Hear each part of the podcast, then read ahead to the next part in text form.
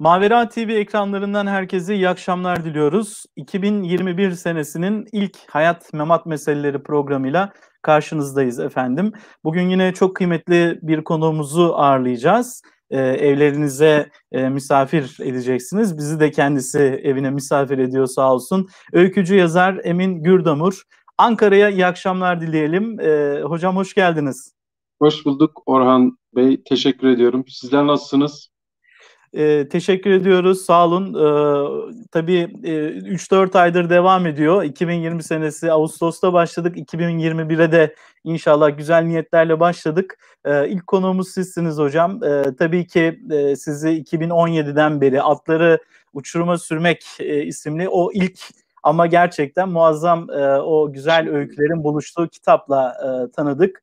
E, okuyucularınız da edebiyat dünyası da gerçekten e, yoğun bir ilgi gösteriyorlar. E, biz de bu akşam e, Mavera TV izleyicilerine, edebiyat severlerle güzel bir sohbet edelim. Sizi e, biraz daha hem onlarla tanıştıralım tanımayanlar için hem de e, biraz e, yazarlık serüveniniz hakkında konuşalım. Genel olarak edebiyatla ilgili e, trend diyorlar hani yönelimler hakkında konuşalım istedik. Davetimizi icabet ettiniz hocam. E, tekrar hoş geldiniz. Hoş bulduk. Ben teşekkür ederim ilginizden dolayı. Sağ olun Orhan Hocam. Eyvallah. Tabii Emin Gürdamur 1980 e, Trabzon doğumlu. Sonra yolu Samsun'da e, işte orta öğrenim, lise, e, Samsun'da geçen yine bir gazetecilik serüveni tecrübesi var. Sonrasında da Ankara'da yine önemli bir kurumumuzda, önemli dergilerin yayın kurulunda, editörlüğünde bulunuyor kendisi. Dolayısıyla edebiyatla, kültür sanatla hep iç içe bir isim. Ama e, tüm bu işlerin e, yanında 2017'de öyle bir kitapla okurlara merhaba dedi ki gerçekten e, çok derinlikli, oylumlu metinler e, üretti ve e, bence e, gerçekten hikayeyi düşüncü düşünceyle buluşturan Necip Tosun e, hocanın ifadesiyle küçük olaylardan yola çıkarak bilinçaltı ve zihinsel göndermelerle çağrışımlarla halka halka genişleyen, derinleşen e, güzel anlatılar ortaya koymaya başladı. E, ben öncelikle o Trabzon'da başlayan çocuk çocukluk yılları ve sizin ilk e, edebiyatla tanışma serüveninize e, bir göz atalım isterim. E, nasıl başladı üstadım? E, Orhan Hocam, e, 15 yaşına kadar yani doğduğumdan 15 yaşına kadar köyde yaşadım ben Trabzon'da e, tipik bir Karadeniz köyü yani biraz yüksek ormanların içinde bir köy. Orada edebiyat ilgisi şöyle okulun ya bizim evde kütüphaneli bir evde doğmadım. E, onu söyleyeyim. Okulun kütüphanesi sizin kaderinizi belirliyor orada. Yani ilkokulda, ortaokulda. E, ilk okuduğum ve benim e, etkilendiğim kitaplar olarak hatırladığım işte Montaigne'in denemelerini her yerde söylüyorum onu. Çünkü insana dair yani evet yaşım küçüktü fakat bir insanın kendi hakkında, insanlar hakkında bu kadar cesur konuşması beni gerçekten etkilemişti, şaşırtmıştı. Ee, sonra Mithat Cemal Kuntay'ın şiirleriyle karşılaşmıştım yine ilkokul, ortaokul o yıllarda. Yani bunlar tesadüfi karşılaşmalar. Muhtemelen şu milli eğitimin öğretmen yazarlar serisinden de pek çok isimle karşılaşmışımdır. Çünkü o yıllar işte okullarda da bulunuyor o kitaplar.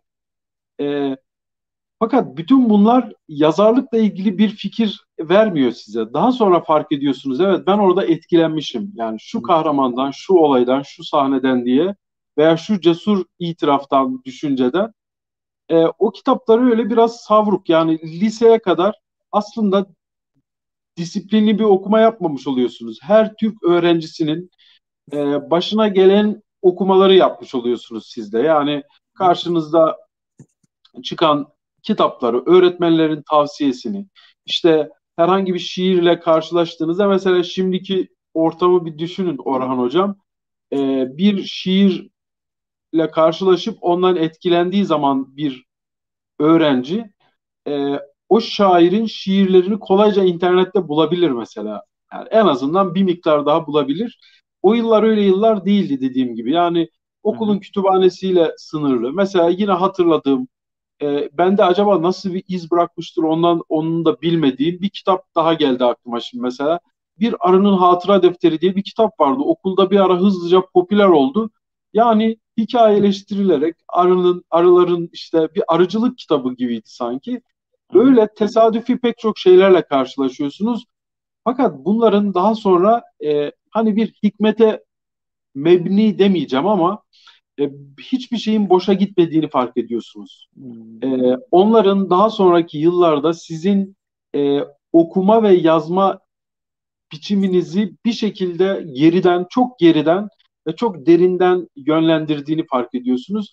Bunları söyleyebilirim. Yani yazarlıkla ilgili bir e, gayem, görüşüm falan yoktu. Fakat ortaokul yıllarında günlük denen meseleyle ciddi ciddi tanışmış olmam öğretmenler vesilesiyle. Yat, yatılı yatılı değildiniz değil mi? Değildim, değildim. Yatılı Fakat değil. E, ilk, ilkokulla ortaokul arasında bir iki yıllık bir yatılı, yarı yatılı e, bir Kur'an kursu maceram oldu benim. Yani yatılı meselesini, ranza meselesini, demir bardaklar sırayla yemeğe gitme meselesini oradan biliyorum. Fakat genel olarak okul yatılı değildi. E, o ortaokulda denemelerle meşgul olmam işte biraz önce dedim Montaigne'den etkilenerek işte hayali bir kim bir kişiyle konuşarak hmm. o defterlerin bir kısmı da durur bende. İlk yazıyla karşılaşmam e, öyle onlar diyebilirim. Orhan Ee, aslında e, hani bizim Anadolu'da da takvim yapraklarına çok ehemmiyet verilir. O arkadaki 3-5 satır yazı çoğu insanın böyle kültürlenmesine, en azından okuma alışkanlığını geliştirmesine, e, çocukların e, bilhassa e, çok önemli bir yer tutar. Dolayısıyla bu edebiyat e, meselesini ateşleyen sebepler e, çok sıradan ya da rastlantısal olabilir diyorsunuz. Sizin hikayede de böyle. Sonra olgunlaşıyor tabii. Biraz e, e, günlükle dertleşerek, e, belki okuduğunuz kitaplardan böyle küçük notlar alarak. Tabii tabii. Şimdi e, o ilk e, kendiliğinden yani tesadüfen karşılaşmaların e, sizde bıraktığı bir etki oluyor muhakkak. Yani sözün kudretine dair bir etki oluyor.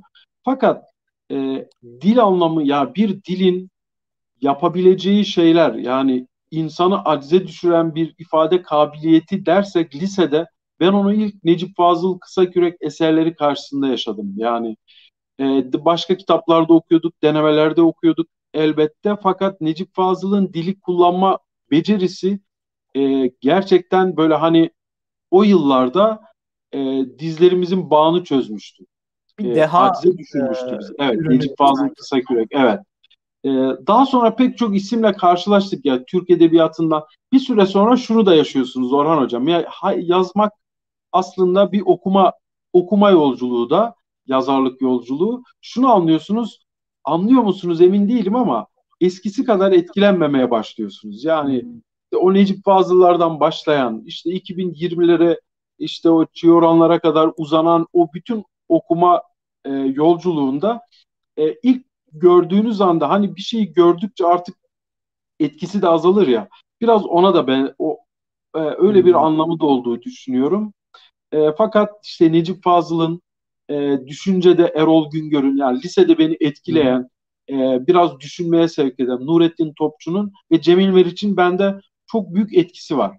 Zaman zaman bu isimlerle ilgili şöyle şeyler söyleniyor Türkiye'de. Mesela Orhan Hocam hani e, içten bir sohbet olsun diye söylüyorum. Hani bunlar Lütfen. artık sö- söyledikleri sözler miadını doldurdu. Bu zamanın ruhuna hitap etmiyor. Bir kere uslupları buyurgan filan. E, bunlar her zaman söylenebilir. E, söylensin de ama ben e, hala her Türk gencinin yani dille, düşünceyle e, irtibat kurmaya çalışan her Türk gencinin bu isimlere bir şekilde yolunun uğraması gerektiğini düşünüyorum.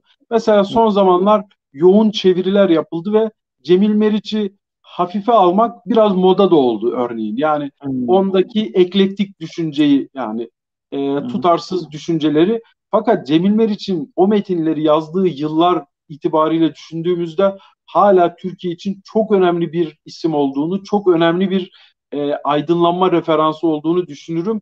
Lisede hmm. biraz da işte 90'ların ortaları siyasal atmosferin de bizi icbar ettiği bir e, siyasal okumalar var. E, bu okumaların içinde edebiyat açıkçası çok yok. Yani e, evet çok arka roman planda değil mi? Özellikle tabii, tabii, arka, plan, arka planda, arka planda. Yani evet. pek çok arkadaşımız bize e, diyelim Dostoyevski de okuyorum o arada filan. Bunlarla niye zaman kaybediyorsun ki diyor. E, o sıralar daha böyle hararetli siyasal meselelerimiz var. E, e, aşağı yukarı bu benim hikayem e, Türkiye'nin ortalama hikayesidir yani. Okur yazar insanların ama, ortalama hikayesidir.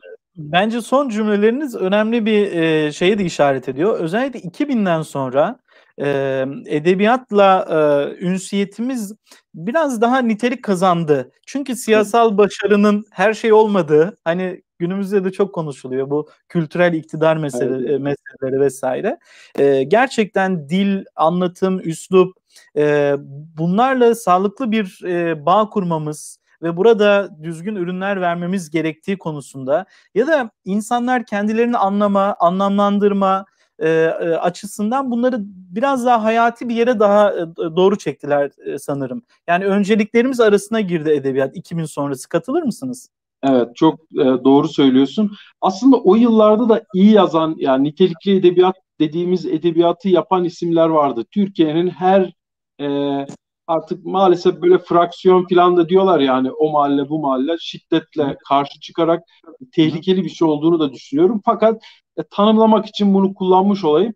Her kesimin içinde, her e, derginin, ekolün içinde nitelikli metinler üretiliyordu. Fakat e, daha büyük kesimin, daha büyük kitlelerin 2000 sonrası böyle bir fark. Belki biraz geriye de çekebiliriz onu. Yani 80 sonrasına da uyarlayabiliriz. Lakin o dediğimiz yıllarda ben okuduğumuz hidayet romanlarının e, veya ona benzer kitapların, politik kurguların e, tezli bir, tabii tabii. Bir yani şimdi biraz acımasızlıkla itham edebilirler beni. Fakat bir okuma tuzağı olduğunu düşünüyorum. Ya bugün nasıl bazı bestseller kitaplar o gençlerin e, Wattpad'den gelme o biraz işte erotik biraz gençlerin ilgilerini kullanan kitapların nasıl şimdi onların vaktini çal, çalıyorsa o zamanlarda evet bizim gündelik e, susuzluğumuza bir nebze olsun merhem oluyorlardı yani bizim dertlerimizi anlatmaları bakımından fakat e, uzun vadede işte bir 20 yıl sonra dönüp konuşmuyorsak bir kitabı aslında Hı-hı. o kitap e, biraz e, o dönemin popüler kültürü biraz vakit kaybıymış gibi düşün, düşünüyoruz yani maalesef. Burada evet, biraz da edebiyatın e, araçsallaşması ya da e, tırnak içinde ulvi değerlere hizmet etme mecburiyeti falan e, herhalde böyle kaygılar e, o, o dönemin öncelikleri dikkate alındığı zaman herhalde böyle bir refleksle e, bu ürünler ortaya çıktı. Ama kalıcı olmadı diyorsunuz. Yani Olmadı. onların Orhan Hocam ulvi gayelerle edebiyat yapmak çok anlamlı bir şey. Yani e, bu çok önemli bir şey. Yani batıda da doğuda da e, felsefenin felsefede de edebiyatta da e, parıltılı örneklerini görüyoruz yani. Şimdi Hı-hı. aklıma e, geldiği için söyleyeyim Tarkovski hani sinema sanat benim için bir yakarma biçimidir diyor. Yani Hı-hı. aşkın olana. Şimdi e, önemli olan mesele şu. Bu işleri el yordamıyla yapmak. Yani içinde e, gelene ait 2-3 tane motif kullandığımız zaman veya dini propaganda yaptığımız zaman bunu geleneksel geleneğe hizmet eden e, bir metin zannedemeyiz. Bu biraz nargile kafelere kafelere benzer. Yani bu gelenek öyle canlanmaz ya. Yani. Kafelerle o evet. eski eski kültürel nesneleri hayatımıza Öyle sokmak. Tamlama, tamlamalar kullanmakla filan. evet yani kullanmıyor. Onlar olmuyor. O zaman biraz böyle el yordamıyla bu işler kotarılmaya çalışıldı. Halbuki daha derin iletişim kurmak gerekiyordu. Ben şunu da fark ettim Orhan Hocam daha sonraki Hı-hı. yıllardaki okumalarımdan. Mesela o yıllarda bizim gündemimizi meşgul eden o yazarlar e, ölmüş olanları var, yaşayanları var. Ya ölmüşlere Allah rahmet etsin. E, şunu fark ettim. Bizim gerçekten büyük edebiyatımızla temas kurmamış isimlerdi bunlar.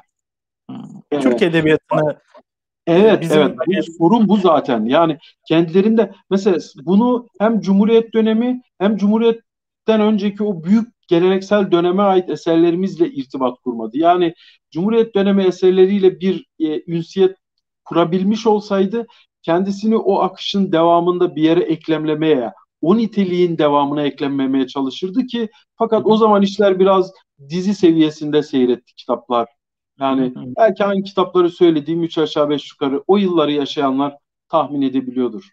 Evet ben mesela e, birkaç sene önce e, yine o dönemlerde çok meşhur olan böyle hidayet romanları deyince akla ilk gelen isimlerden ablalarımızdan bir tanesiyle böyle karşılaştım. E, aslında ben e, ben edebiyat yapmadım. Ben asla edebiyatla ilgilenmedim. Ben işte davamı anlattım gibi böyle bir savunma evet. içindeydi. Evet şimdi dönüp baktığım zaman keşke birazcık daha edebi kaliteyi yükseltebilseydim diye ondan da bir itiraf duymuştum. E, demek ki biraz e, olayların heyecanı, o anaforlar geçtikten sonra insanlar e, gerçekten hani ürettikleri ürünlerin kalitesini de sorgulamaya başlıyorlar sanki. Siz sorgulamasanız bile zaman onları işte e, kenara attığı zaman e, onunla karşılaşmış oluyorsunuz, yüzleşmiş oluyorsunuz.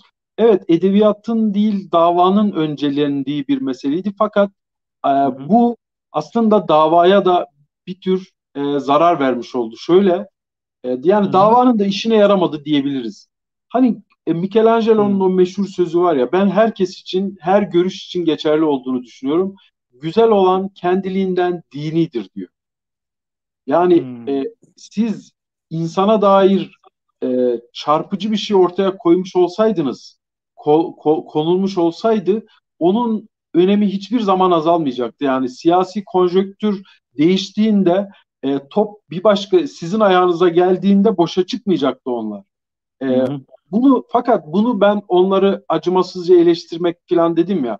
E, biz hı hı. o yıllarda yazıyor olsaydık muhtemelen biz de bu e, tuzaklara düşmüş olacaktık.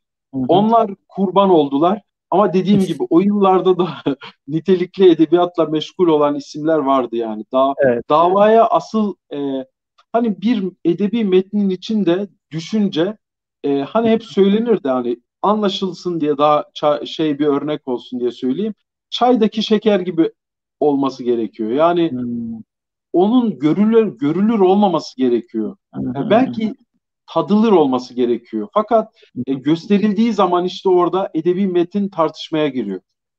Evet. Tartışmaya ee. Ee, sanırım e, bu konuda e, en azından zaman da geçti. E, dediğiniz gibi metinler biraz o zamanın eleğinden de geçti. E, bu konuda bir muhasebe yapılıyor sanki. Aslında sadece bahsettiğiniz e, e, fraksiyon ya da e, mahallede değil, diyelim e, daha sol e, kesimde de e, e, zamanın biraz daha böyle ideolojik söylemlere e, hapsolduğu metinlerin biraz daha böyle güdümlü metinler olduğu aşikar. Ama zamanla herhalde biraz o dalgalanmalar yerini daha durağan, daha aklı başında e, şeylere bırakıyor e, yani yönelimlere bırakıyor. E, tabii sizin e, biraz e, gazetecilikle mesela serüveniniz var. E, hani o Samsun'daydık en son. E, evet. O gazetecilik e, de biraz gözlem e, gerektiren değil mi? bir haber e, metni oluşturmak da bir meseledir. Günümüzde de aslında burada da çok arızalar yaşanıyor. Evet. Aslında bir hikaye yazmak değil mi? Biraz burada mı başladı sizin e, hani bir kurmaca yapma neticede bir gerçekliği evet, anlatıyorsunuz evet. ama onu kur, kuruyorsunuz tekrar. Evet. 2005 2008 2008 yılları arası e, Samsun'a gazetecilik yaptım. Yani muhabirlik de yaptım. Bir, bir buçuk yıl sokaklar, sokak sokak gezerek e, onun haricinde son yıl editörlük, haber müdürlüğü falan yaptım. Sonra kamuya geçtim. Ee, orada bir şey ya Orhan hocam o yıllardan sonra ben kamuda çalıştım. Muhtelif özel dergilerde de çalıştım. Halen işte Hece ve Diyanet dergileriyle meşgul oluyoruz. Ee, gazete kadar yoğun tempolu bir e, meslek bilmiyorum yani. E, hacimli, e, yaygın basında ya ulusal matbuata tekabül eden bir hacmi vardı gazetenin ve sürekli koşuyorduk. Ertesi gün boş oluyordu. Bu koşturmanın altını niye çizdim Orhan Hocam? Şundan ötürü e, burada bir dil titizliği geliştiremiyorsunuz. Gazete dili edebiyat dili değil. Yani şöyle aslında buradan popüler edebiyatı da bir ince eleştiri yapabiliriz. Şimdi gazetenin hmm. amacı şu, e, okur kitlesi şu. Köydeki yaşlı amcaya kadar, yani üniversitedeki profesörden köydeki yaşlı amcaya kadar herkesin okuyabileceği metinler. Yani aslında yorumun az olduğu, bilgi vermenin ve pratik bir şekilde zaten bunun kalıpları da var aslında gazeteciler bunu çok iyi bilirler. 5N 1K ee, vardır. 2K. Tabii tabii tabii tabii haberi inşa ederken onları e, cevaplandırmış olursunuz bir bakıma. Zaman zaman hikayeleştirilen haberler de yazarsınız. Biraz bu da dikkat çeker. Ama en nihayetinde edebi metin değildir o. Yani kullanat bir e, gazetedir. Kullanılıp atılacak bir gazetedir. Orada ben e, bir baskı karşısında yani zamana karşı yarışıyorsunuz. O zaman baskısı karşısında e, metin kotarma terbiyesi geliştirdim. Yani hızlıca işte o gün işe geliyorsunuz, işte e, dışarıdan geliyorsunuz, gazeteye saat 4 ve 5'e kadar, 6'ya kadar ha, elinizdekileri yazmış olmanız gerekiyor. Elinizde 2-3 tane birbirinden çok farklı konular içeren haberler var. Böyle bir terbiyesi, disiplini ol, e, bana sağladı. Fakat edebiyata bir katkısı yok. Hatta ben şunu da söyleyebilirim. Uzun yıllar gazetecilikle meşgul olanlar ve meşgul olmaya devam edenlerin edebiyatla bağlarının e, zarar görme ihtimali de var. Nitekim hmm. Ayfer Tunç da böyle bir şey söylüyor. Yani zamanında hmm. ayrıldım, zamanında bıraktım falan diyor. Hmm. Şimdi bir şey söylüyordum. Ağı en uzak mesafeye atmaya çalışıyor gazete. Yani her gazete bir milyon kişi beni okusun istiyor. Fakat nitelikli bir edebiyat metni bir milyon kişinin okuması imkanı yok ya. Bir metni hatta tersinden bir sağlamaya bile dönüşebilir bir metin bir milyon kişi tarafından okunuyorsa o aslında basit anlaşılır bir metindir de diyebilirsiniz. e, o açıdan gazeteciliğin bir disiplin verdiğini ama e, edebi anlamda bir şey ha, gözlem dediniz gözlemle ilgili de birkaç şey söyleyeyim Orhan Hocam. Aslında gazetecilikte bir insanın ne kadar gözlem yaptığı sıradan herhangi birimizin işte bizi izleyen herhangi birinin e, hayatında, gündelik hayatında yaptığı gözlemlerden çok farklı değil. Çok da farklı hmm. değil. Yani onlar size yetiyor. Sadece gazetecilik sizi biraz daha serin kanlı ve aslında her şeye haber nesnesi olarak bakmak gibi bir yere de sürüklüyor. Bunları söyleyebilirim. Hı hı. Mesela haberi yakalamak diye gazetecilikte bir Tabii. deyim var değil mi? Tabii masa başı haber haberciliği de var. Haber atlatmak. Haber, haber, haber, haber yakalamak. Mesela şimdi sizin o öykü e, yazma serüveninize gelelim. Siz e, öyküleri nasıl yakaladınız? Yani ilk öyküleriniz gerçek hayattan mı yoksa kendi iç dünyanızda o Montaigne'le başlayan ya da e, biraz önce bahsettiğimiz yazarların ateşlemesiyle başlayan e, o kendini ifade etme daha içten gelen bir şey miydi? Yoksa dışarının size söylediklerini tekrar ifade etme ihtiyacı şeklinde mi gelişti? E, şunu söyleyebilirim. Bunlar bu ikisi söylediğiniz e, birbirinden kolay ayırt edilebilen şeyler değil. Yani bunun hangisini ben içimden kendi kendime yontarak buldum. Hangisini dışarıdan gözlemledim. Bir yerden sonra onlar birbirine geçiyor. Yani o parçalar içeride kendi aralarında bir örüntü kuruyor ve sizin için içinize dönüp yazdığınızı zannettiğiniz şey aslında dışarıdan e, duyduklarınız, gördükleriniz, bildikleriniz olmuş oluyor aslında. Hı-hı. Bunu diyebilirim. İlk metinler e, bende de öyle oldu. Fakat kitaplarımda bir kısmı yok. Yani 3 4 Hı-hı. 5 hikayem yok kitaplarda.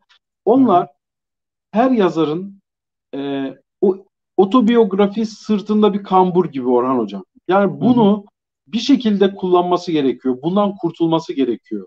Hı-hı. İlk hikayelerimin yani atları uçuruma sürmekte pek çok otobiyografik gönderme var. Yani kahverengi zarf e, öyküsünden tutun işte Serander kuşlarına kadar. Fakat e, bir bütün olarak yani kalıp olarak onun görülebileceğini zannetmiyorum veya e, kalıp olarak herhangi bir paragrafın veya herhangi bir karakterin benim hayatımla ilişkilendirilmesinin yanlış olacağını düşünüyorum. Onlar hı hı. işte benim gördüklerim, işte çocukluğum işte Karadeniz'de geçti dedim.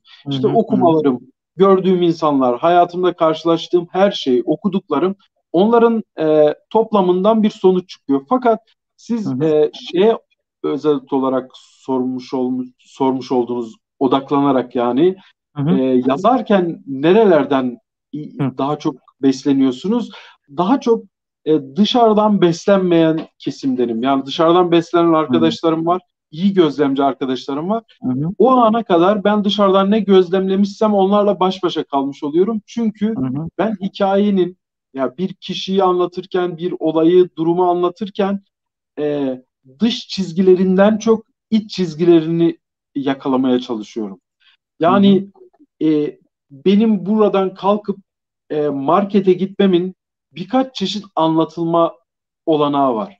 Bunlardan Hı-hı. bir tanesi dış çizgilerle anlatmak. Yani saati söylerim, yerimden kalktığımı söylerim, kapıyı açtığımı, asansöre bindiğimi bunlar dış çizgiler. Fakat o o süre zarfında iç dünyamda nelerin geliştiğini yazarsam e, biraz daha karışık o. E, ona bilinç akışı diyorlar. Fakat ikisini birlikte anlatırsanız başka bir yol denemiş olursunuz. Hı hı. Ben birazcık e, görünmeyen tarafını anlatmaya çalışıyorum. Bu açıdan e, gözlemlerden ziyade duygulardan hareket ediyorum diyebilirim. Hmm. Ee, şimdi hani hikayeyi biz böyle edebiyat hocaları falan anlatırken, gerçi öykü ve hikaye meselesini de e, Necip Tosun hocamızla konuşmuştuk e, e, burada yaptığımız bir programda. Geçen kendisi şöyle bir tweet attı, e, belki sohbetimizi açacaktır bu. E, hikaye günlük hayatta yaşadığınız bir şeyi bir başkasına anlatırken e, yani mealen söylüyorum e, anlatırken kullandığınız türdür. Öykü e, öyle herkese anlatamayacağınız bir anda ortaya koyamayacağınız açık seçik bunun adı da öyküdür. Yani o sizin kendi iç dünyanızda yorumlayıp anlattığınız şey öyküdür. Sanırım böyle bir ayrım yapmak da lazım değil mi? Güzel. Çünkü diyelim bir mettah mesela hani geleneksel anlatı geleneğimizde mettah çıkar. Kahraman bellidir, zamanı bellidir, mekan bellidir. Hani bu dört unsur meselesi. Ama öykü daha böyle bir uzmanlık isteyen, kuyumcu hassasiyeti isteyen bir dil işçiliği mi acaba? Orhan Hocam aslında ikisi de çok ciddi hassasiyetler gerektiriyor şundan. Mesela e, sadece eski çağdan bir sahne anlatmayabiliriz yani anlatılmayabilir modern dünyada hikaye anlatılabilir. Hikaye formunda meseleler e, e, hikayeleştirilebilir. Ama bu biraz önce söyledim ya dış çizgiler. Fakat bir insanın içine girdiğiniz andan itibaren geleneksel aslında modern de diyebiliriz. Bu hikaye dediğimiz e, yapının dışına çıkmış oluyorsunuz. Yani bilinç akışı diye insanın herkesin kendinden bildiği, yaşadığı karmaşık düşünceler, birbiriyle anakronizm içinde e, bir akış içinde yaşıyor insan. Fakat bunu metne aktardığınız zaman bunun adı hikaye değil, geleneksel hikaye değil bu. Ama bu insanın bir gerçekliği. Ee, böyle düşünüyorum. Bunu çok güzel bir tespit. Yani hikaye ile öykü diye o sonu gelmez. ben öyle bir espri yapmıştım genç arkadaşlarla galiba nerede unuttum. E, dedim dergah dergisine öykü gönderince ona hikaye diyoruz ya. Dergahta hikaye memnun da atıyorum heceye gönderince orada öykümü umarım beğenirsiniz filan diyorsunuz. Formül bu dedim arkadaşlar. Ee, eyvah. Bu cevap ve yanıt e, meselesi var ya bir, bir zamanlar hani hocalar cevap yazdığınız zaman e, yüksek not veriyor bazıları. Bazıları yanıt dediğiniz zaman. Evet, Ama evet. E, bundan daha derin bir ayrımı var tabii ki hikaye ve evet. öykünün. Bunu da kuramcılar ya da Necip Tosun düşünsün. ne diyelim. Evet, kuramcılar Şimdi e, tabii e, sizin mesela hani e, evet ben biraz daha içten e, o duyguyu özellikle yakaladığım zaman e, başlarım anlatmaya diyorsunuz. E, bu bir e, kurmaca kafanızda olup bittikten sonra mı e, kağıda dökülür? E, hani kalem kağıda deyince dedik ama artık e, kalem kağıttan ziyade klavyeyle, klavye ile herhalde yazıyor. E, size de soralım klavye ile mi yazıyorsunuz? Yoksa tabii, tabii, böyle klavyeyle yazıyorum. Kalemle hiç yazamıyorum. Yani o kadar uzaklaşmışız ki kalem kağıttan. Yani Hı. kalemle hiç yazam. E, e, hemen her metnimi bilgisayarda yazarım. Sadece zaman zaman ufak tefek notlar alıyorum. Onları da artık cep telefonuna alıyoruz yani. E, kağıt yani, kalem neredeyse hiç kullanmıyoruz. E, bundan memnunsunuz ama çünkü klavyenin de böyle sağladığı işte Word'de siliyorsunuz, tekrar cümlelerin yerlerini evet, değiştiriyorsunuz. Büyük nimet. Orhan Hocam, büyük nimet. Ya eski yazarları düşünüyoruz. Şimdi bu kadar cümleleri e, deneyerek yazıyoruz pek çok cümleyi. Hı. Ya bunun bir daktilo olduğunu düşünsenize. Korkunç yani. Ya evet. cümleyi kafanızda kurup son halini yazmanız gerekiyor her seferinde. Çok yavaş yazmanız gerekiyor. Evet. E o zaman da hani kaç, kaçırırsınız aklınıza gelen o bir anda boca eden kendini düşünceleri Hı. kaçırırsınız. E, o yüzden büyük nimet olduğunu düşünüyorum ya bu dijital ekran bilgisayar meseleleri. Hı hı. Abdullah Harmancı'ya da sormuştum. Aslında biraz önce sordum size de. Ee, böyle bir anda böyle gelir, dolarsınız. sonra benim oturmam lazım ve bunu yazmam lazım dediğiniz zaman mı e, o öykü Eyvallah. kafanızda e, alevlenen o öykü kendisini gösterir? E, açıkçası ben öyle yazmıyorum, yazmam. Yani ben öyle yazmıyorum. E, uğraşıyorum yazdıklarımın üzerine. Sadece bir anda kapıyı çalan ve kapıyı açan şey kurgunun tamamı değil de anlatmak istediğim duygunun çekirdeği oluyor. Yani işte her zaman bunu örnek vermiş oluyorum bu konuyu anlatırken e, güzel ifade edeceğini düşünüyorum. İnsanın insan bir insanın kamilen hiç kimse tarafından anlaşılamayacağını e, her kelimenin aslında her insanın kendi dünyasında farklı anlamlara, farklı çağrışımlara e, sahip bir lügate sahip olduğunu ya her insanın. Her insan böylece biricikleşip aynı zamanda yalnızlaşıyor da. Şimdi bu bir anda benim zihnime gelen bir düşünce fakat bunu bir öyküye dönüştürmek, bundan bir öykü oluşturmak benim ortalama iki ayımı falan alıyor. Yani o ortalama hmm. uzunluktaki öykülerim iki ayımı alıyor. E, defalarca yazıp silerek e, hmm. yazdıktan sonra tekrar tekrar başa dönerek aşağıya doğru işçilik yaparak açıkçası e, çalışmam gerekiyor. Fakat hı dediğiniz gibi Abdullah Hocam, Abdullah Armancı gibi başka isimler de var. Mesela hı akıllı e, zihinlerinde öyküleri tamamlayıp sonra oturup bir anda yazıyorlar bir akşamda. E, onları hayranlıkla izliyorum ben sadece. Hı Ben çok çalışmam gerekiyor öykülere. Çünkü bir tarifi imkansız bir mutmain olma kriteri var. Bunun hmm. adı yok ya. Bunu zaman zaman yazmaya, kendi kendime böyle sistematik hale getirmeye çalıştım fakat bir karşılık koyamadım. Bu sesle ilgili mi? Yani öykü bittikten sonra onu yüksek sesle kendime tekrar ediyorum. E, bu hmm. acaba kurguyla ilgili eksik yerlerle ilgili mi? Oralar tamamlandığı zaman mı ben bunu hissediyorum? Açıkçası hmm. hiçbirinden emin değilim. Sadece bir öykü, o uzun uzun çalışma, uzun uzun e, üzerinde uğraştıktan sonra bir an geliyor evet oldu diyorsunuz. Bunun da niçin olduğundan açıkçası emin değilim. Bunu da kuramcılar tartışsın. açıklar. Peki e, şiir okur mu Emin Gürdamur? E, evet, yani çok... iyi bir şiir okuyucusu mudur acaba? Evet evet. Çok şiir okurum fakat e, şöyle çok çok şiir şair değil de 15-20 tane şairi döne döne okurum öyle diyeyim. Hmm. E, Yunus Emre'yi çok severim ve İsmet. Özel'i çok severim. Hmm. Ama onun yanında Sezai Karakoç okurum. E, diyelim se, e, şimdi Orhan Veli'ye kadar yani oradan e, şey spektrumu anlayın diye söyledim Hı-hı. farklı isim diye. Hemen herkesi karşıma geldikçe yani Hilmi Yavuz'da okurum, Turgut Uyar'da okurum. Fakat e, dediğim gibi bu iki isim çok önemli bir e, yer tutuyor. Rilke ile Baudelaire'i çok severek okurum. Hı-hı. Fakat bu iki isim döne döne okuduğum şairlerdendir. Çünkü benim yapmak istediğim şeyi aslında kendini gerçekleştirmiş bir şiirin yapmış olduğu şey. Yani hmm. duygulardan hareket ederek yani yazarın duyguları duyguları kullanarak okuyucunun da duygularını kullanarak bir mesele anlatma. İki, e, Orhan hmm. Hocam bilirsin ikinci yeninin hikayeleri var. Yani hikaye hmm. şiirleri var. Hmm. Turgut Uyar'da da var. işte Cemal Süreyya'da da var. E, hmm. Onların onlardan izlekler aldığımı e, onlara böyle hmm. biraz mühendislikle zaman zaman bakarken kendimi de yakalıyorum ya. Bunu nasıl yapmışlar? Tabii bu son tahlilde bunun tehlikeli bir şey olduğunun da farkındayım Orhan Hocam. Evet, Şöyle ben ki, buyurun, buyurun hocam buyurun. Yani bu soruyu sordum çünkü hani e, öykülerinizin e, isimlerinden başlayarak gerçekten şiirsel e, ve imgesel diyelim e, bir anlatım tarzınız var. İnanılmaz böyle göndermeler, çağrışımlara kapı açacak.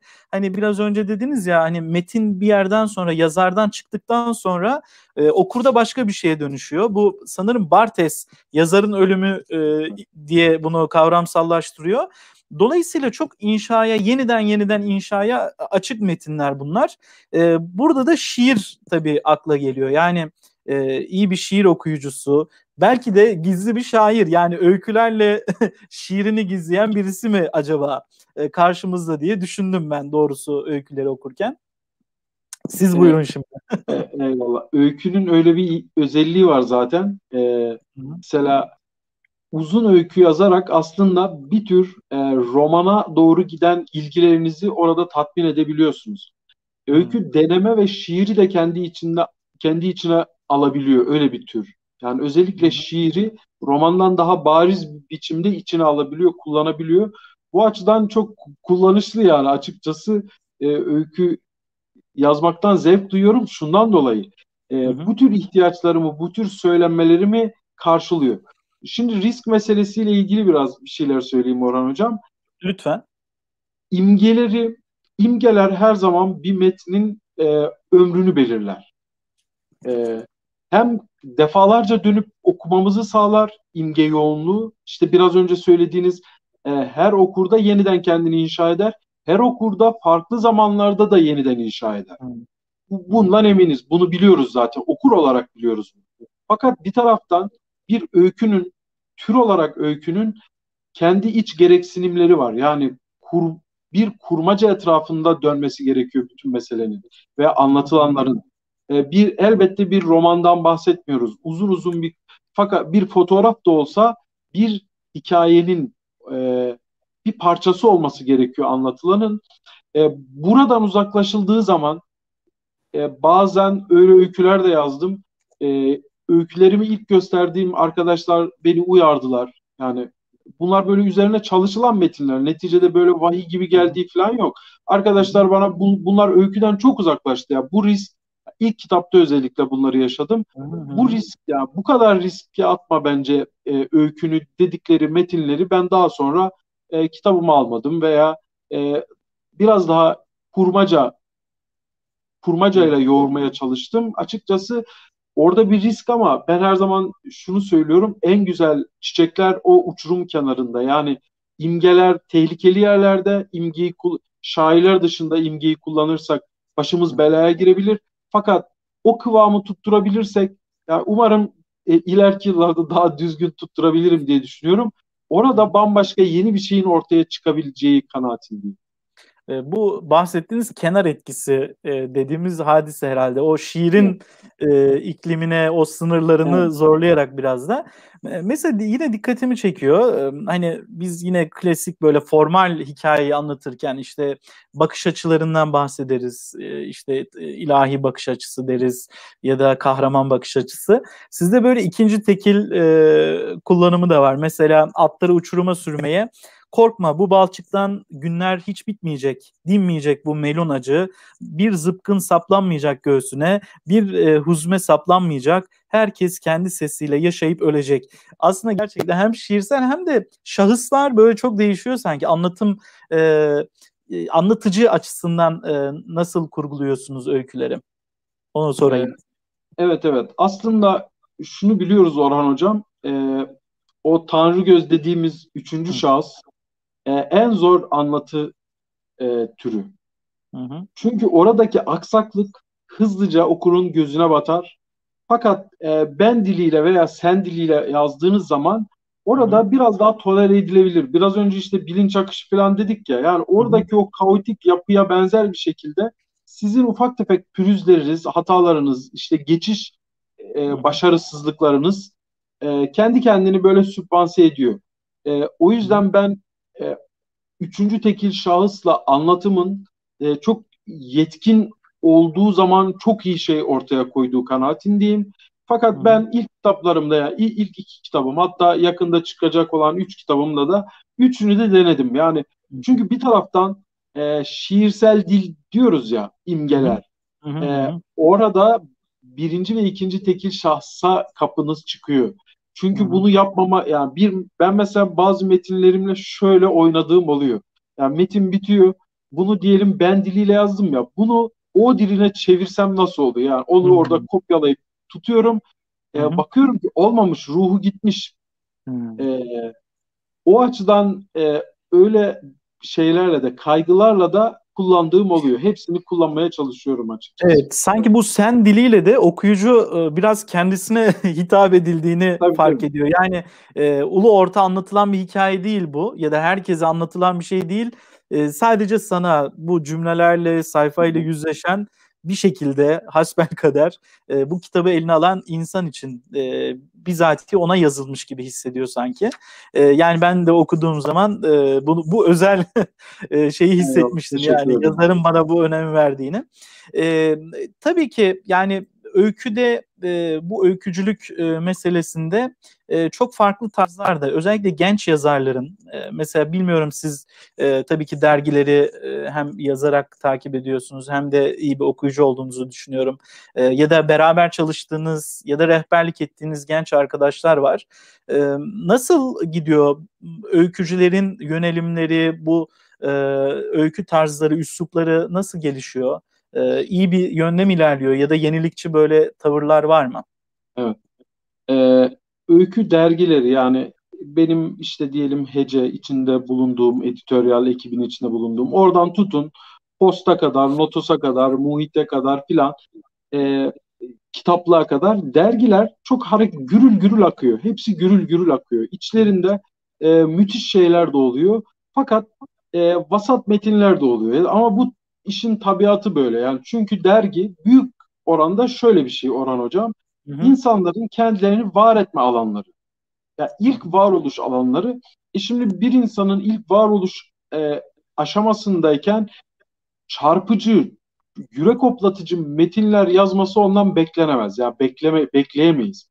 O yüzden orada vasat metinler de var ama dergi Türkiye'de dergileri takip eden insanlar şunu fark edebilir e, gençler çok fazla şey deniyor. E, ve biraz önce söyledim o 90'lı yıllar siyasal metinler filan o yıllardan çok daha fazla e, kuramsal metinlerle ilişki kurmuşlar. Çok daha fazla bizim kendi medeniyetimize dair veya Cumhuriyet dönemi metinlerine dair okumalar gerçekleştirmişler. Bunu fark ediyorsunuz gerçekten.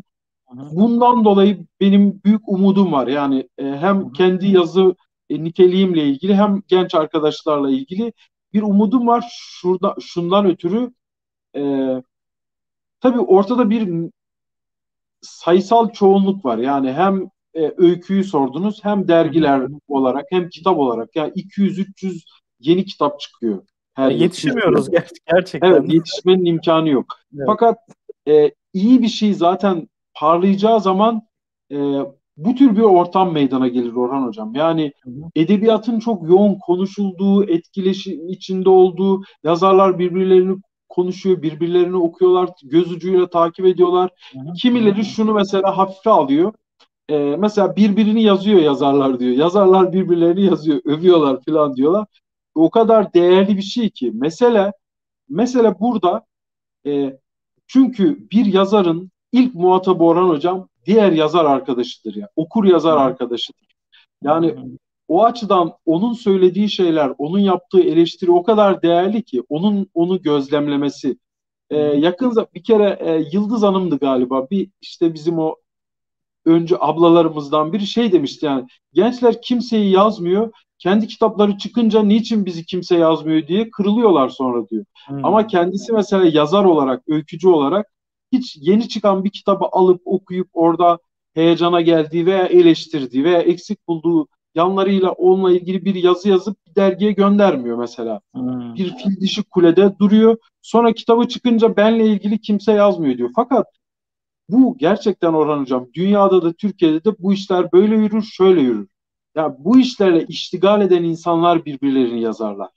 Ee, şu ayrı bir bahis. Yani eleştiri, yeterince eleştiri var mı yok mu ayrı bir konu ama e, nihayetinde bunun e, edebiyatı kendi içinden besleyen kaynaklardan biri olduğunu düşünüyorum. Yani edebi hı hı. öykünün popüler olmasının arkasındaki sebeplerden biri de bu.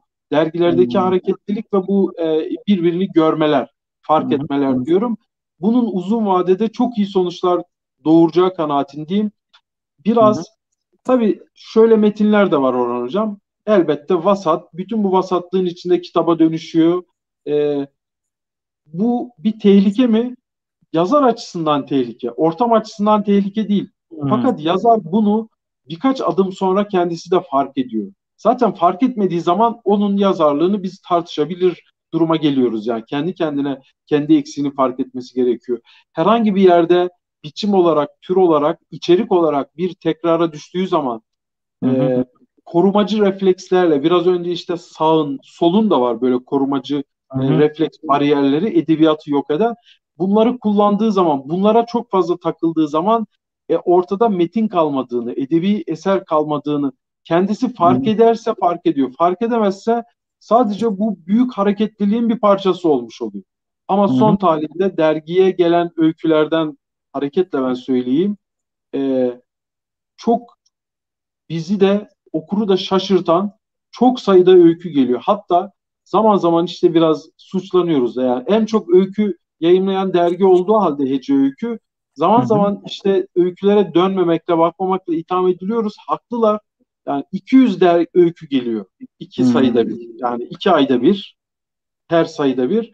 Bu 200 öykünün içinde 50 tanesi yayınlanabilir e, nitelikte oluyor. Bu çok önemli. Ama içlerinden 15 filan 10-15 tane seçmemiz icap ediyor. İşte bu biraz o arkadaşların şansı da oluyor o, o aralarda. Israr etmelerini tavsiye ediyoruz filan. Ben e, çok be, zaman zaman editör olarak Orhan Hocam beslendiğim metinler okuyorum. Yani öykü göndermiş, onu yayınlıyoruz. İlk öykülerde yayınlıyoruz ama ben ondan etkilenip şunu ben özel klasörümü alayım falan dediğiniz öyküler çıkıyordur tabii. Nasıl? hani, Nasıl? Şuradan kendimi ayırayım özel klasörü. Hmm, tabii. dediğiniz isimler oluyor. Ee, tabii ki bu dediğiniz etkileşim yani özellikle e, yazarlar arasındaki e, etkileşim e, hani e, şu değil tabii ki yani körler sağırlar birbirini ağırlar meselesi değil. E, Abdullah Harmancı ile konuşurken e, bazen e, Abdullah Armancı hocamızın e, böyle pesimist yorumları doluyor. Ya yazıyoruz ama işte birbirimizi eğlendiriyoruz sanki. E, bu hani geniş kitlelere erişebilmek ya da hadi açık konuşalım başka mahallelere erişebilmek. E, bu e, biraz e, en başta konuştuğumuz gibi o ideolojik rezervleri elbette ki olabildiğince evet. kenara bırakmakla alakalı. E, ama biraz da hani popülerliğin e, e, sevimli bir tarafı da var. Birazcık yazarların da hani temas kurabilmek için başka e, hiç tanımadığımız insanlarla ya da tanımadığı insanlarla e, bunun için de biraz böyle popülere oynaması e, çok mu kötü? E, aslında bizim e, oynadığımız popüler kısım sadece bütün yazarların aşağı yukarı e, bir, bir çeşit kendi medya, tanıtım medya e, şeyi gibi kullandıkları mecrası gibi sosyal hesapları yani. Oralarda kendilerini gösteriyor. Ve ben bunu mütevazı bir şey olarak görüyorum. Hı. Elbette e, büyük ajanslarla çalışan e, ve işte dil, başka dillere çevrilen aslında okuyoruz yani Türk yazarlar da var. O kadar da değil diyorsunuz. Fakat işte arkalarında ajanslar, şirketler, plan holdingler olunca farklı bir etki sonuç meydana getiriyor. Ee, ben bu noktada şunu düşünüyorum. Şimdi dediniz ya mahalle. Orhan Hı. Hocam, mesela Türkiye'nin içinde hangi mahalle bana Dostoyevski'den daha uzak? Hı. Olamaz ya. Dostoyevski'nin evet. biz mesela Dostoyevski'yi severken onun günlüklerini bilerek, görmezden gelerek seviyoruz. Yani Ayasofya ile ilgili söylediklerini, Türklerle ilgili söylediklerini görmezden gelerek seviyoruz onu. Hı hı. Bakıyoruz ki okur, yeri geldiğinde görmezden gelir kazanacak ise o yüzden seviyoruz ya. Öyle hmm. seviyoruz. Zaman zaman e, ondaki bazı hasletleri görmezden gelmemiz gerekiyor. Yani bazı hmm. an özel hayatına odaklanırsak hayatımızda daha e, üçkağıtçı bir adam görmemiş oluruz yani. Özel hmm. hayatına odaklanırsak bu isimlerin. Hmm. E, yakın zamanda mesela ya, yakında bir okumada fark ettim. Voltaire'in bütün servetini insan kaçakçılığıyla, köle tacirliği yani ticaretiyle elde ettiğini fark ediyorsun. Bunları görmezden geliyoruz. Niçin? Yani Voltaire'i ayırarak söylüyorum. O ahlaki bir durum yargılanabilir. Şimdi şunu yüzden söyledim. Biz dünya edebiyatıyla böyle ilişki kurarken yani kişilerin siyasal, dini mensubiyetlerine, e, milli mensubiyetlerine, politik mensubiyetlerine bakmadan dünya edebiyatıyla ilişki kurduk. Peki ben Türkiye'den politik görüşünden dolayı iletişim kuramayacağım bir insan var mıdır? Bence yoktur yani. Benim yok şahsen. Ee, büyük bir ahlaki, ahlakilik meselesini daha önce de konuşmuştuk da yani büyük bir ahlaksızlık yapmadığı zaman ama büyük bir ahlaksızlık yap, yapmak meselesini bireysel hayatındaki hatalarla yorumlamıyorum ben. Ahlaksızlığı şöyle yorumluyorum. İşte Türkiye ile ilgili e, Türkiye'den çıkıp başka yerlerde ödül almak için başka ülkelerde başka ülkelerden Türkiye'ye ateş eden bir yazarı ben ahlaksız bir yazar olarak görüyorum. Hani bu tür ahlaki e, bir düşkünlük içinde değilse ben Türkiye'de herkesi okurum. Kaldı ki hmm. böyle bir adam bile okurum ben ne demek istediğini hmm. anlamak için. Yani o açıdan hmm. ben hmm. siyasal bagajların e, nitelikli metinler arasında böyle nitelikli okur ve yazarlar arasında dolaşımın serbest olduğunu hmm. ama burada hakkını vermem gerekiyor. Türkiye'de e, muhafazakar diye ifade edilen yanlış bir şekilde muhafazakar diye ifade edilen kesimin bunu hangi yayıncıya sorarsanız bunu fark edersiniz. Yani bunu o size söyleyecektir. Onların bariyerinin daha e, düşük olduğunu fark edeceksiniz. Yani hmm, evet. herkesi okuyorlar. Evet, herkeste bir bariyer var. Siyasal meselelerle ilgili endeksli tavırlar, hmm. adımlar var. İşte ona göre cezalandırmalar, boykotlar var. Fakat bu biraz daha az okuma zenginliğinden ötürü ben bütün bunların bir hastalık olduğu kanaatindeyim. Ömer Seyfettin'in olduğu yer o kadar değerli ki Orhan Hocam. Mesela hı hı. Ömer Seyfettin'in dilini hep konuşuyoruz biz. Fakat Ömer Seyfettin'in yazdığı yer bütün Türkiye. Yani fraksiyonlar hı. üstü bir şey. Ve bütün Türkiye'nin okuduğu yazar Ömer Seyfettin. Yani buluştuğumuz bir yer. Ben inşallah yani Türkiye'nin öyle bir bütünlüğe doğru git, gideceğini e, temenni ediyorum. Çünkü hı hı. insandan bahsettiğimiz zaman nasıl ki Dostoyevski ile bir ünsiyet kuruyoruz, e, Gogol'le bir ünsiyet, Balzac'la kuruyoruz. Türkiye'de kendi içimizde birbirimizle ve birbirimizin kahramanlarıyla da kolayca kurabilmemiz gerekiyor diye düşünüyorum. Hı hı. Bu e, aynı zamanda karşılıklı bir beslenmeyi de e, ortaya çıkarıyor. Ama siz e, biraz önce işaret ettiniz yani ajans yazarlığı e, meselesi. E, aslında o da belirliyor. Yani sermayenin e, inanılmaz bir e, e, tahakkümü de var. Yani bu yazın dünyasında. Sadece Türkiye'de değil, dünyada, Amerika'da, Avrupa'da, her yerde e, böyle bir hegemonya da var. E, bunu e, işte güçlü kalemlerin bunu aşabilmesi, yani buna minnet etmemesi birinci e, tarafı. E, ama e, bunun da koyduğu bariyeri sizin ifadenizde aşması e, çok da kolay değil sanırım. Yani e, bir dolaşıma girmesi kitabın gerçekten gerçek okuyucusuna ulaşabilmesinin önünü açmak da tek başına insanın yapabileceği bir şey de değil sanırım. Değil. Ee, pek çok etken var dediğin gibi Orhan Hocam fakat ya şey zannedilmesin ulaşamadığımız yere çamur atıyor falan değiliz. Fakat Fransa'da da bugün nitelikli bir kitap 70 bin satar e, 100 bin bandının üzerine geçtiği zaman o kitaba şüpheyle bakılır. Yani o kitabın klasik olması gerekiyor. Yani klasiklerin bir okuna bir e, okuma oranının yüksekliği biraz e, müfredatların da yönlendirmesiyle, ilgi uyandırmasıyla. Yani işte hı hı. Türkiye'de mesela çok satıyor klasikler. Gerçekten onların okunduğunu düşünüyor muyuz? Tabii ki düşünmüyoruz. Yani o o kadar e, ne Sabahattin Ali'nin işte Kürk Mantolu Madonna'sı gerçekten okunuyor. Fakat bir popüler kültür ve klasik olmalarından kaynaklanan bir e, önermeler zinciriyle e, onlar dolaşımda fazla olmuş oluyor. Fakat yeni metinlerin bir anda yüz binlerce, milyonlarca kitleye ulaşması gazetecilik yaptım ben Orhan Hocam. Gazete e, gazete seviyesi bu. Hı hı. Diğer türlü olması e, şeye aykırı. Yani hani felsefe kitlelerin sorunu değil, şey değil. kitleleri ilgilendirmez ya. Nitelikli edebiyatın da böyle bir kaderi var. O yüzden Hı-hı. arkadaşlara zaman zaman bunu anlatıyorum. Ya bizi okumuyorlar, az satıyoruz deyince Abdullah Hoca dediği gibi e, diyorlar sen kendi kendini teselli edecek bir şey bulmuşsun ama bu bir teselli değil. Gerçekten böyle. E, ama son tahlilde bir ajans meselesi de var. Ajans yazarları meselesi de var. Onlarla ilgili de şunu söyleyebilirim Orhan Hocam. O yazarlardan sonra hepimizin ömrü kısıtlı, yaşayacağız, öleceğiz. Ee, daha sonra ajanslar e, aynı sadakatle bu işi peşini kovalamıyorlar. Türkiye'de 50, 60, 70'li yıllarda çok popüler olup edebiyat kanonları tarafından desteklenen, işte medya e, patronları tarafından da desteklenen, popüler olan fakat sonra ortalıktan yok olan, e, vefatından sonra ortalıktan yok olan pek çok yazar da biliyoruz yani. Hı hı. Ya da vefatından sonra e, hatta yıllar sonra mesela Sabahattin Ali önemli, önemli bir isim. e, mesela Sabahattin Ali'den bahsettik. Yine evet. Ömer Seyfettin yani bunlar yaşadıkları dönemde çok da e, itibar görmüş kimseler değil. Hatta e, biliyorsunuz sürgün edilmiş ya da katledilmiş insanlar da var. Yani genç ee, kalemler işte o şeyde Balkanlarda dergi çıkarıyor Ömer Seyfettin. Neredeyse biraz önce dediniz ya körler sağırlar birbirini ağırlar.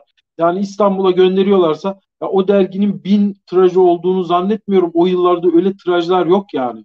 Ama tutkuyla yazıyorlar. Birbirlerine yazıyorlar aslında. Aydınlar birbirlerine yazmış oluyorlar. Fakat bu elitist anlayışta da değilim. Tabii insanlara da yazmış oluyoruz. Mesela bir liseye git, gidiyorum. Liseli bir genç çocuk e, o kadar meselenin farkına varmış ki anladığım, anlattığım bir meselenin. Yani sorusu beni gerçekten tüylerimi diken diken ediyor. Ve hmm. burada da e, kimin nitelikli veya kimin şiirsel metinle, zor metinle e, buluşma imkanı taşıdığını biz bilemiyoruz açıkçası. Onu da söyleyebilirim yani. Hı hı. E, tabii siz e, öyküleri yazdıktan sonra e, bunların dönütlerini de alıyorsunuz. Yani okuyucularınızdan mesela e, bu tip etkileşimler e, okullarda ya da fuarlarda Gerçi kitap fuarları da e, yapılamıyor bu sene yapılamadı. Herhalde yapılamayacak önümüzdeki senede. E, böyle etkileşimler yazarı besliyor mu, motive ediyor mu sizce? Yani bir karşılığının olduğunu görmek, e, bunu bilmek mesela Emin Gürdamur'u motive ediyor mu? Orhan Hocam şüphesiz e, çok katkısı oluyor size. Fakat şunu da bilmeniz gerekiyor. Yani e, alkışlar insanı motive eder fakat insanı güder de. Hmm. Yani yaptığınız bir hatanın içinde kalmanıza sebep olabilir alkışlar. Hı Çünkü okur yani dönüş dönüş yapan okur e, kuramsal bir malumata sahip değil.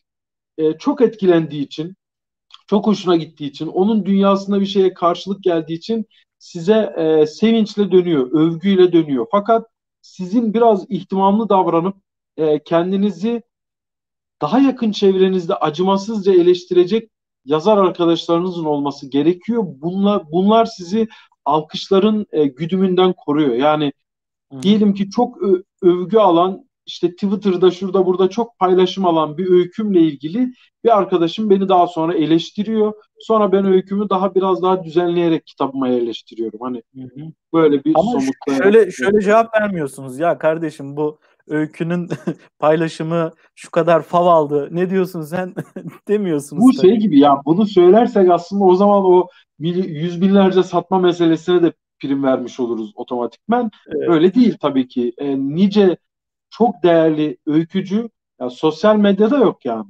Sosyal medyası yok. Hiçbir şey yok. Onunla ilgili paylaşımlar biri yaparsa oluyor. Bu asla bir ölçü değil. Orada ayrı bir eğlence. insanlar eğleniyor orada yani kendi kendine. evet, aldatıcı böyle geri dönüşler de dediğiniz gibi o kaliteyi düşürebiliyor. Ben mesela yine sizin e, öykülerinize geri dönecek olursam e, hem at, atları uçuruma sürmekte hem herkesten sonra gelen de bir dil hassasiyeti de görüyorum. Yine e, siz e, konuşurken bahsettiniz mesela Niyazi Mısri'ye ya da halk e, e, yaşayışında halk bilimine ait ögelere e, sürekli göndermeler yapıyorsunuz. Mesela Cazu diye bir e, hikayeniz var değil mi? E, Anadolu'da mesela çok kullanılır e, ya da cadı diye e, Avrupa'da bilinir böyle bir e, şey var e, e, bir unsurdur.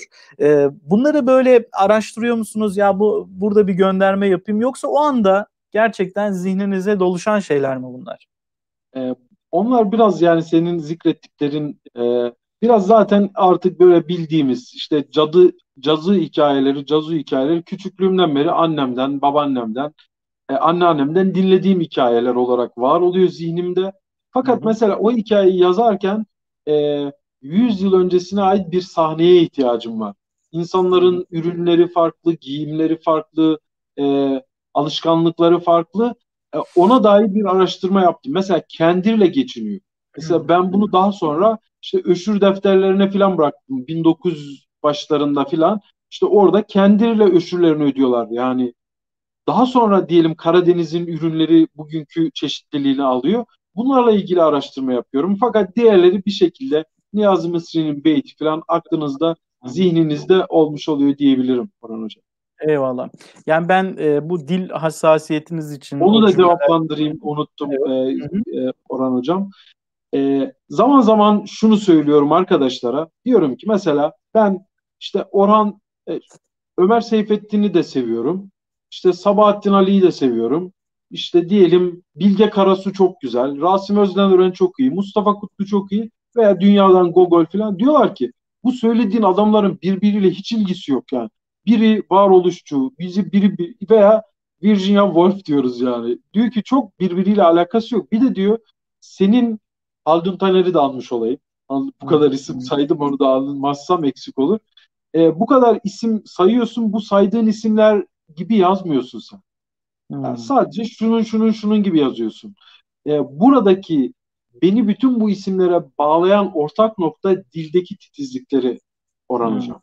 Evet. E, bilinç akışıyla yazarken de herhangi bir e, Anadolu taşra hikayesi anlatırken de Mustafa Kutlu'nun hikayelerinden bir cümle çıkamazsınız. Bir cümle çıkarsanız yapı çöker ya. Dil Mesela Refik Halit, Refik Halit Karay değil mi? Yani muazzam. Kesinlikle Refik Halit. Ee, yani Refik biliyorsunuz kelime çıkamazsınız. Kelime çıkamazsınız. O kadar sıkı ve ince örmüştür ki onu. Veya Haldun evet. Taner, e, Ömer Seyfettin. Bunların ortak noktasının dil titizliği olduğu kanaatindeyim. Ve hı hı. kurgular, e, içeride anlatılan meseleler, e, kahramanların oluşumu veya ötelenmesi. Çünkü e, karakter öykülerinin zamanının geçtiğini söyleyenler de var. Yani kendilerince haklı sebeplere dayanarak. Bütün bunlar benim için ikinci sebep. Ve bunu ben öykü okuyup değerlendirirken de böyle yapıyorum. Kendi öykümü yargılarken de, yazarken de böyle düşünüyorum. Öncelikle dilin bir kere bir ritim içinde olması gerekiyor.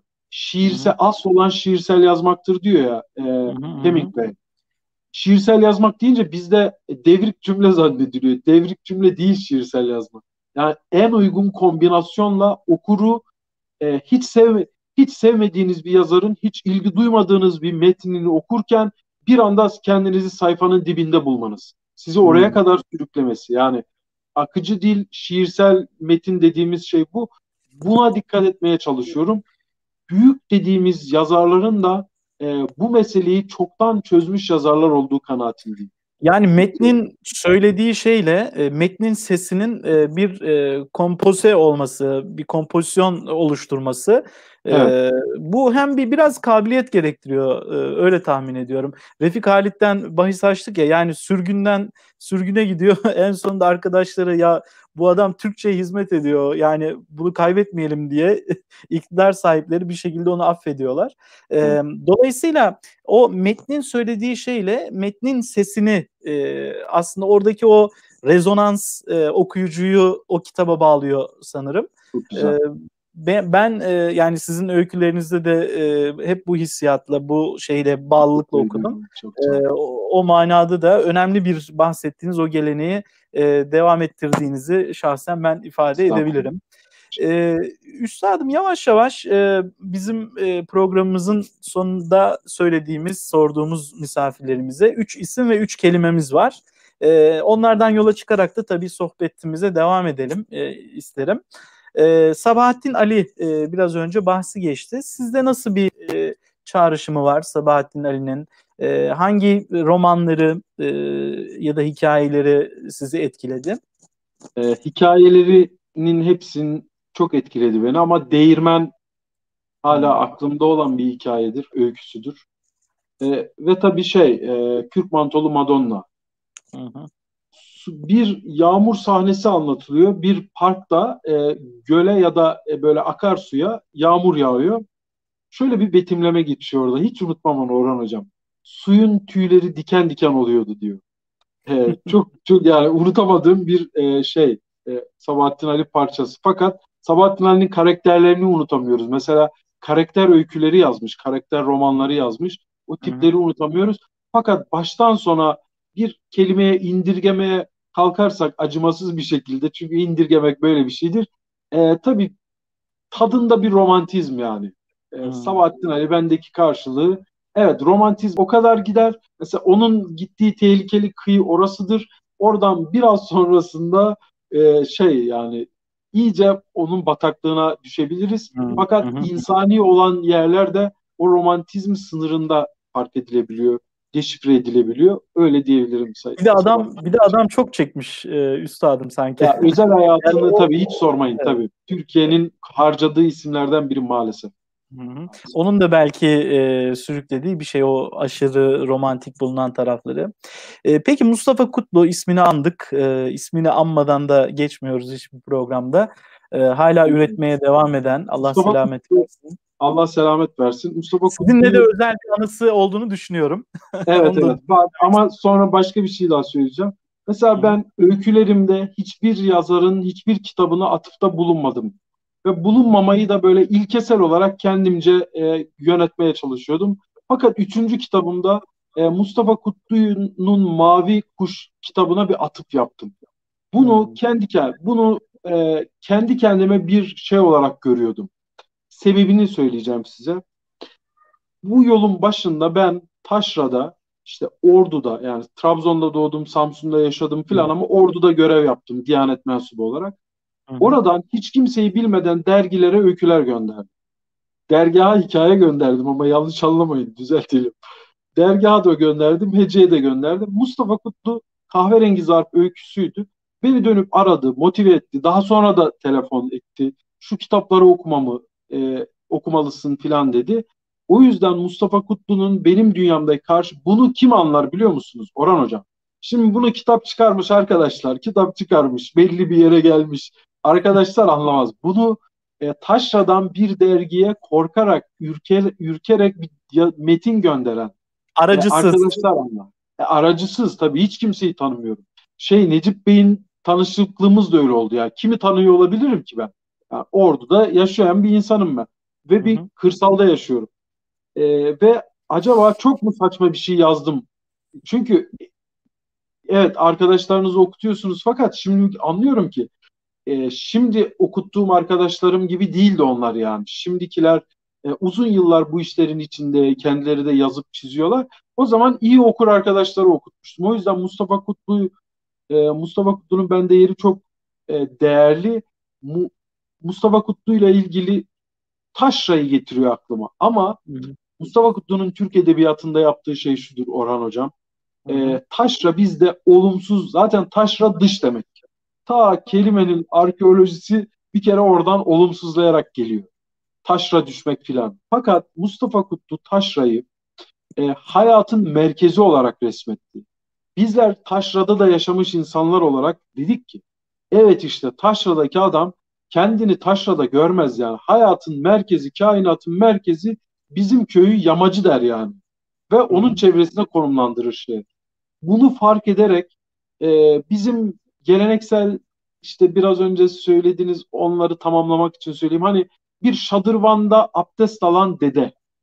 E, bir Hı hı. evin içindeki böyle gerçeklik içinde anne babanın konuşması, işte evlatların yaşadıkları bağlamında taşraya yeni bir boyut getirmiştir ve Kutlu 50 sonrası Türkiye'den, şehirden, e, köyden şehre göç yıllarının hikayesini yazmıştır ve mesela hani biraz önce Türk Edebiyatı için dedik ya cümlesini çıkamayacağımız öyküler yazmışlardır. Hı hı. Mustafa Kutlu artık Türk öyküsünde, Türk edebiyatında, Türk öyküsünde eğer çıkarırsak çok büyük bir boşlukla karşılaşacağımız bir isimdir benim gözümde. Ben öyle görüyorum. Metinleri özelinde söylüyorum. Ee, Allah kalemine sağlık e, versin. Kendisine Eyvallah. de e, sağ sağlık diliyoruz e, inşallah. Bir de yani Kutlu elbette ki çok önemli bir kalem. Bir de yol açıcı olması sizin de söylediğiniz gibi mesela orduda görev yapan birisi ve hiçbir aracısız bir şekilde referanssız edebiyatta böyle bir şey de var değil mi? Yani böyle bir ilişkiler ağı da kuruluyor. E, yani o referans oluyor ya da sen birisine gönderiyorsun bir yazara o e, dergiyle o irtibat Tabii kuruyor. bunu yapıyor arkadaşlar. Tabii bunu yapıyorlar. Fakat bundan dolayı onlara e, yani kızmamak gerekiyor. Çünkü Hı. dediğim gibi bir yoğunluk var. Hani ben şimdi Hece Öykü 15-20 öykü dedik ama yani Evet. Dergah dergisi diyorsunuz iki öykü yayınlıyor. Ya o ikinin içine girmek büyük sıkıntı yani. Oralarda ben de varım diye çığlık atmanız gerekiyor. Bu çığlığın içinde atıyorum yani şey somutlayalım.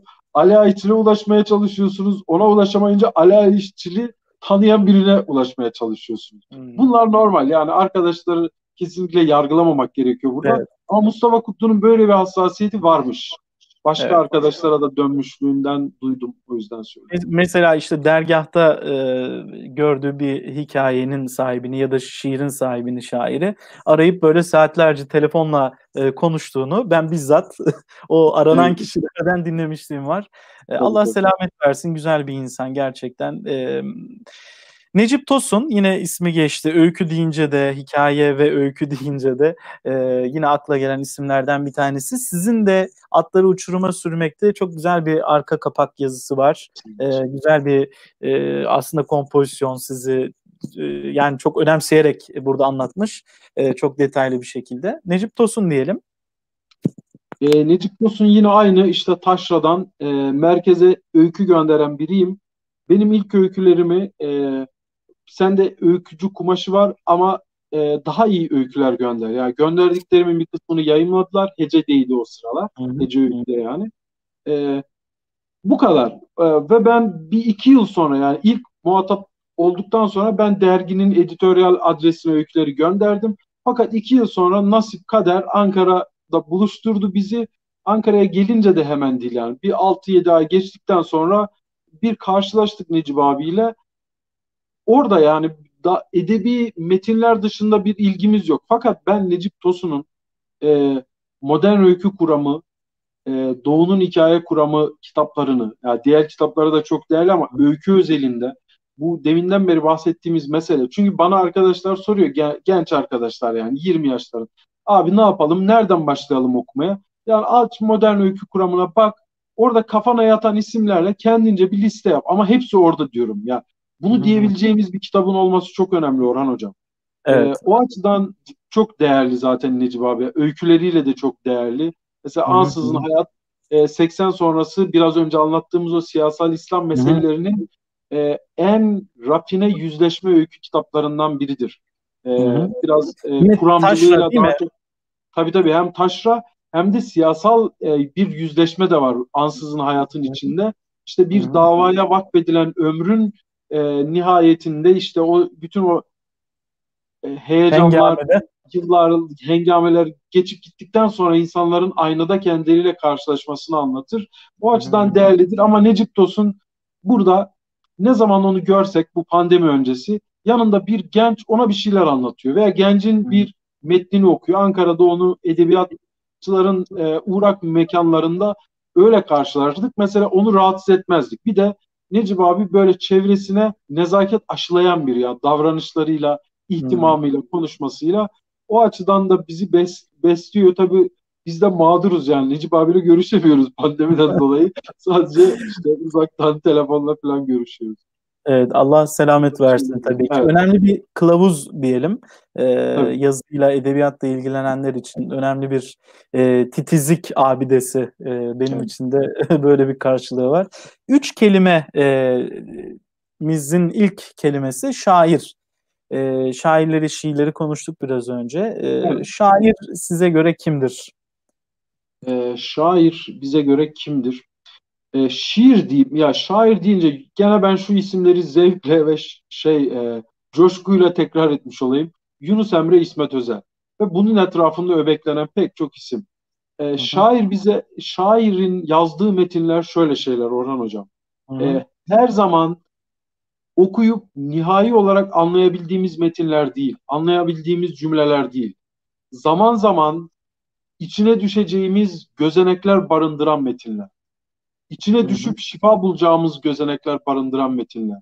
E, bunu yaptığı zaman e, bunu yapan insanlara bütün şairlere o yüzden ben e, hürmet hürmet besliyorum yani. Rilke'sinden işte bizim herhangi bir Türk şairine kadar herkese e, saygı duyuyorum. Çünkü dediğim gibi herkesin her zaman anlayacağı değil, ihtiyacı olduğunda içine düşüp şifa bulacağı gözeneklerden oluşan metinler yazdıkları için. Bunu söyleyeyim. Eyvallah. İyi ki şairler var e, diyelim. E, e, şimdi ikinci kelimemiz çürüme. E, aynı zamanda atları uçuruma sürmekte e, bir yer alan bir hikayenizin ismi çürüme. E, çürümede biraz böyle naturalist bir yaklaşım var. Çok deneme detaylı yaptım. bir şekilde naturalist bir deneme. Araştırma, araştırma dediniz ya Orhan Hocam. Ee, evet, evet. Mesela o birkaç tane bir tane doktora tezi adli tıp adli tıpçı bir arkadaşın doktora tezi ve onunla ilgili ayrı başka makaleler okuduğum bir kitaptı yani. Bir insan ölürse fiziki olarak başına ne gelir? Ortalama ne gelir yani gibi. Onlar teknik bilgiler. Evet öyle bir deneme yaptım orada. İlk öykülerimden biri yani ilk birkaç öykümden biri o da. Aslında bizim edebiyatımızda benim de doktora derslerinde bir hocamızla hani naturalizm meselesini işlerken bir arkadaşım işte naturalizmle ilgili böyle araştırma yapıyor. Yok yani Türk edebiyatında çok böyle e, şeyde kalmış isimler var. İşte Hüseyin Rahmiler var. Birkaç böyle e, küçük öykü tadında işte e, bazı metinler var. E, ama bu çürüme metnini okuyunca hemen o dersler aklıma geldi arkadaşımın. Tam işte Emin Gürdamur bunu yapmış. Çünkü çok detaylı bir şekilde biraz da hani e, tabiri caizse insanı irite eden bir şekilde onu anlatıyorsunuz ama e, farklı bir yüzleşme e, ye de vesile oluyor. Tüm öykülerinizde olduğu gibi. E, Aa böyle mi olacak gerçekten falan diye insan e, düşünüyor. Çürüme çürüme hikayesinin dışında size neler çağrıştırıyor evet, onu sorayım. Çürüme e, çürüme hikayesinin dışında bendeki karşılığı e, tuhaf gelebilir size ama beton geliyor aklıma. E, hmm. Bunun böyle şey yani duyarlılık göndermeleri falan da yapmak yapmış olmak istemiyorum ama gerçekten beton. Yani mesela ben köyde köyde doğduğum için olabilir bu bu isim bende böyle uyanıyor. Ya da Karadeniz olduğumuz için. evet, çürü, çürüme çürüyen şeyler aslında inanılmaz organik şeyler. Yani mesela bir elmanın çürümesi şairane bir e, olaydır. Fakat beton çürümez mesela. Ama gerçek çürüme betondur. Yani böyle düşünüyorum benim zihnim hmm. gittikçe belki de Ankara gibi betonların arasında bir şehirde yaşadığım için bunu geliştirmiş de olabilirim. Evet. Ee, yani bu betonun içinde hapsolan insanın çürümesi yani bir şekilde Tabii. ruhumuzun çürümesi. Ee, evet çürüme e, hikayesine de atıf yaptık. Merak etmişse izleyicilerimiz okuyabilirler. Teselli. Teselliyi nerede bulur Emin Gürdamur? Yavaş yavaş da bu, bununla toparlayacağız. Bununla toparlayalım. Teselli, ya bunun cevabı Orhan Hocam zaman zaman e, insanın durumuna göre, duygusuna göre, yaşına göre değişiyor. Mesela kimi zaman insan teselliyi gerçekten ölümde bulur. Bu ölür anlamında, ölmek ister anlamında değil. Fakat dünya, mesela şöyle söyleyeyim teselli nedir? Yakın çevremizde bir Suriye Savaşı oldu örneğin. Mesela biz çocukların e, kameraya bakıp titreyerek kimyasal silah maruz kalan çocukların öldüğünü gördük. E, böyle korkunç bir acıyı kameralara bakarak e, bize aktardı yani o ölen küçük çocuk. Orada bir insanın tek tesellisi iyi ki ölüm var. İyi ki yani ölüm bir anlam ifade ediyor. Hesap var yani. Tüm bunların hesabı sorulacak yani. Mesela hı hı. öyle bir dönemde yaşıyor.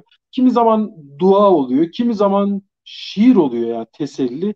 O yüzden geç şey değişken diyebilirim şu sıralar nedir benim için teselli dersek bu sıralar e, şiir diyebilirim. Yani mesela Yunus Emre yoğun okuduğum bir dönemdeyim yani şu an itibariyle. E, onu okuduğum zaman kendimi daha huzurlu hissediyorum diyebilirim. Hı hı. Ee, çok teşekkür ederiz. Ee, çok keyifli, güzel bir sohbet oldu. Ee, güzel böyle sıçrayışlar yaptık. Ee, Emin Gürdamur'un heybesinden herhalde dosya çıktı. Yayın evinde mi şu anda? Ee, yayın gelecek yayın programı konuşalım. Önümüzdeki aylarda inşallah yayınlanacak. Yine Ket Ketebe'den sanırım değil mi? Ketebeden, yani Ketebeden. E, atları uçuruma sürmek Hece'den çıktı. E, Ketebe'den herkesten sonra gelen Ketebe ile yola devam edecek. Devam e, bekliyoruz e, inşallah heyecanla. Şunu sormadım aslında. E, roman e, romana bir geçiş e, böyle tabii bir geçiş sanki beklenir yani öykücülerden. Beklenir söylenir. Ya da bir deneme beklenir. Ee, evet. Öykü size ee, yetiyor mu? Bana söylüyorlar sürekli. Şimdi üçüncü kitabım çıkınca onun e, içinde beş tane uzun öykü var. Yani bütün kitap beş öyküden oluşuyor. Onu görünce arkadaşlar yine soracaklar. Sen romana doğru mu gidiyorsun filan. Hayır. E, şu an için e, öykü, uzun öykü, kısa öykü benim yazmakla anlatmak istediğim meselelerle ihtiyacımı gideriyor. Yani onları anlatabilirim. Uzun öykü yazarım. E, ama roman bambaşka bir mesai, sessizlik, yalıtım gerektiren bir uğraşı. Ona benim işim, e, hayatım, meşguliyetlerim izin vermiyor öyle bir kapanmaya. O, o yüzden şimdilik düşünmüyorum ama e, yol nereye çıkarır insanı bilemiyoruz oranı. Yine de büyük konuşma, konuşmamak büyük lazım. konuşmak gerekiyor tabii. Bundan bu tecrübe ettik ya hayat bunu hepimize tecrübe ettirmiştir yani. Eyvallah. Emin Hocam çok teşekkür ederim. Bizi evinizde ağırladınız. Ee, inşallah bu güzel sohbet e, YouTube'da kalıcı olacak. Ee, şimdi izleyemeyenler sonradan izleyecekler. Ee, kıymetli izleyicilerimiz de güzel şeyler yazdılar, selamlarını iletiyorlar. Ee, yine e, benim sorduğum minvalde bazı sorular e, gelmiş. E, hepsine ayrı ayrı çok teşekkür ediyoruz. Mesaj yazanlara, yazmayanlara, şimdi izleyenlere, sonra izleyeceklere. Çalışmalarınızda sizlere kolaylıklar diliyoruz. Yeni kitabı da bekliyoruz inşallah. Çok teşekkür ediyorum Orhan Hocam. Çok keyifli bir program oldu. Pek çok konuya değinmiş olduk. Sağ olasın, Eyvallah. var olasın. Eyvallah. Ee, kıymetli izleyiciler haftaya inşallah e, görüşmek dileğiyle diyoruz. Sağlıcakla kalın. İyi akşamlar.